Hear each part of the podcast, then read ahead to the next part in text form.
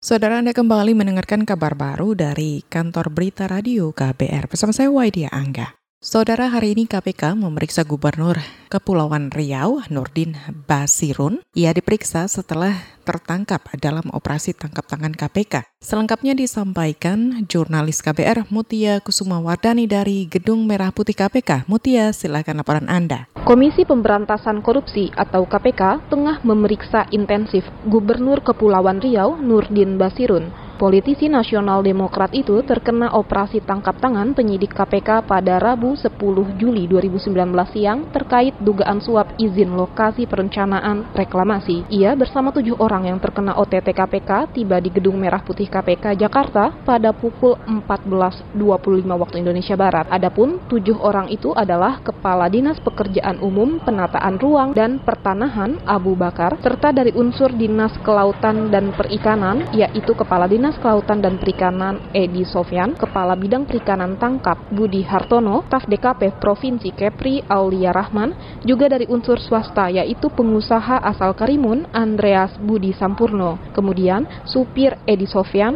yaitu Muhammad Salihin. Dalam perkara ini KPK juga menyita uang senilai 6.000 dolar Singapura atau sekira 165 juta rupiah. KPK memiliki waktu 1 kali 24 jam untuk menentukan status kedelapan orang tersebut. Dari Gedung Merah Putih KPK, Mutia Kusuma Wardani untuk KBR. Baik, terima kasih rekan Mutia. Kita beralih ke berita selanjutnya. Kementerian Hukum dan HAM menyebut penyediaan bilik asmara tidak ada hubungannya dengan LGBT. Juru bicara Ditjen Pemasyarakatan Kementerian Hukum dan HAM, Ade Kusmanto, mengatakan rencana penyediaan bilik asmara itu sekedar mempertimbangkan pemenuhan kebutuhan biologisnya warga binaan. Saya pikir tidak ada kaitannya ya bilik asmara dengan LGBT. LGBT itu penyimpangan perilaku seksual, disorientasi seksual yang dilakukan narapidana karena tidak bisa memenuhi hasrat biologisnya selama menjalani pidana. Jadi tidak ada kaitannya dengan bilik asmara. Kalau bilik asmara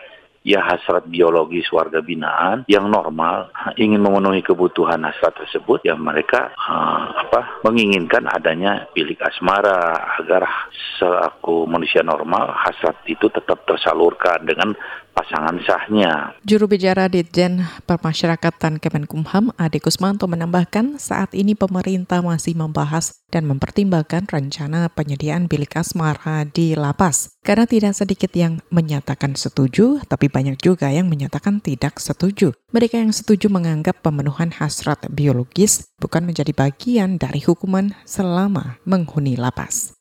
Kita beralih ke berita lainnya. Wakil Ketua Komisi Bidang Pemilu di DPR, Mardani Alisera, mengapresiasi keputusan Dewan Kehormatan Penyelenggara Pemilu atau DKPP yang menggugur tugaskan dua komisioner Komisi Pemilihan Umum, yakni Evi Novida Ginting Manik dan Ilham Saputra. Mardani yakin kinerja KPU tidak akan terganggu dengan putusan DKPP tersebut sebab KPU bekerja kolektif kolegial. Betapa tidak ada satupun institusi yang dominan. KPU punya otoritas besar, anggaran besar, tapi tetap diawasi Bawaslu, diawasi DKPP. Dan kami apresiasi terhadap DKPP yang sudah memberikan keputusan tegas. Sebetulnya bukan komisioner yang digugurkan, tapi tugasnya di divisi bersangkutan yang digugurkan sehingga harus diganti yang lain. Dan buat saya, kalau prosedurnya sudah berjalan dengan baik, apresiasi kepada DKPP. Sebelumnya, DKPP memutuskan dua komisioner KPU melanggar kode etik dalam dua kasus berbeda. Evi Novida Ginting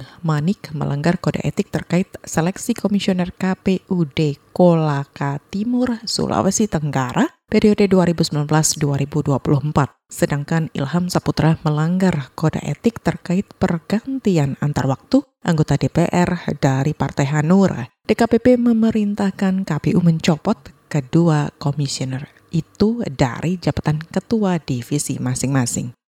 Kita beralih ke berita selanjutnya. Anggota tim gabungan pencari fakta bentukan Polri untuk kasus penyerangan penyidik senior KPK Novel Baswedan Hendardi enggan membuka peran sejumlah jenderal di institusi Polri yang disebut-sebut ikut diperiksa dalam kasus itu. Hendardi membenarkan TGPF memeriksa sejumlah jenderal Polri seperti misalnya bekas Kapolda Metro Jaya Muhammad Iriawan. Pemeriksaan itu karena Iriawan sempat bertemu Novel sesudah kejadian penyerangan. Hendardi menegaskan status hukum Iriawan dan puluhan saksi lain yang diperiksa TGPF masih sebatas saksi bukan tersangka. Pak Iriawan juga pernah kunjungi Novel ya ketika kejadian itu maupun sesudahnya sewaktu sesudahnya pernah gitu ya. Itu yang kami periksa ada pembicaraan apa. Tapi kan ada saksi-saksi di situ. Nah, saksinya kami periksa juga. Mengapa kami keluar kota dan kami periksa saksinya betul pembicaranya ini aja atau ada pembicaraan lain dan sebagainya. Jadi jangan di apa pandang secara negatif dulu bahwa jenderal ini pasti yang menjadi TSK sebagai saksi. Anggota tim gabungan pencari fakta bentukan Polri untuk kasus penyerangan penyidik senior KPK Novel Baswedan Hendardi menambahkan hasil pengusutan TGPF bentukan Polri untuk kasus Novel Baswedan memuat kesaksian puluhan orang yang sudah diperiksa. Pemeriksaan itu berdasarkan hasil penyelidikan yang sebelumnya sudah dilakukan Polri. Artinya pemeriksaan oleh TGPF akan memperdalam hasil penyelidikan tahap pertama yang dilakukan Polri. Saudara demikian kabar baru dari KBR saya Waidia Angga.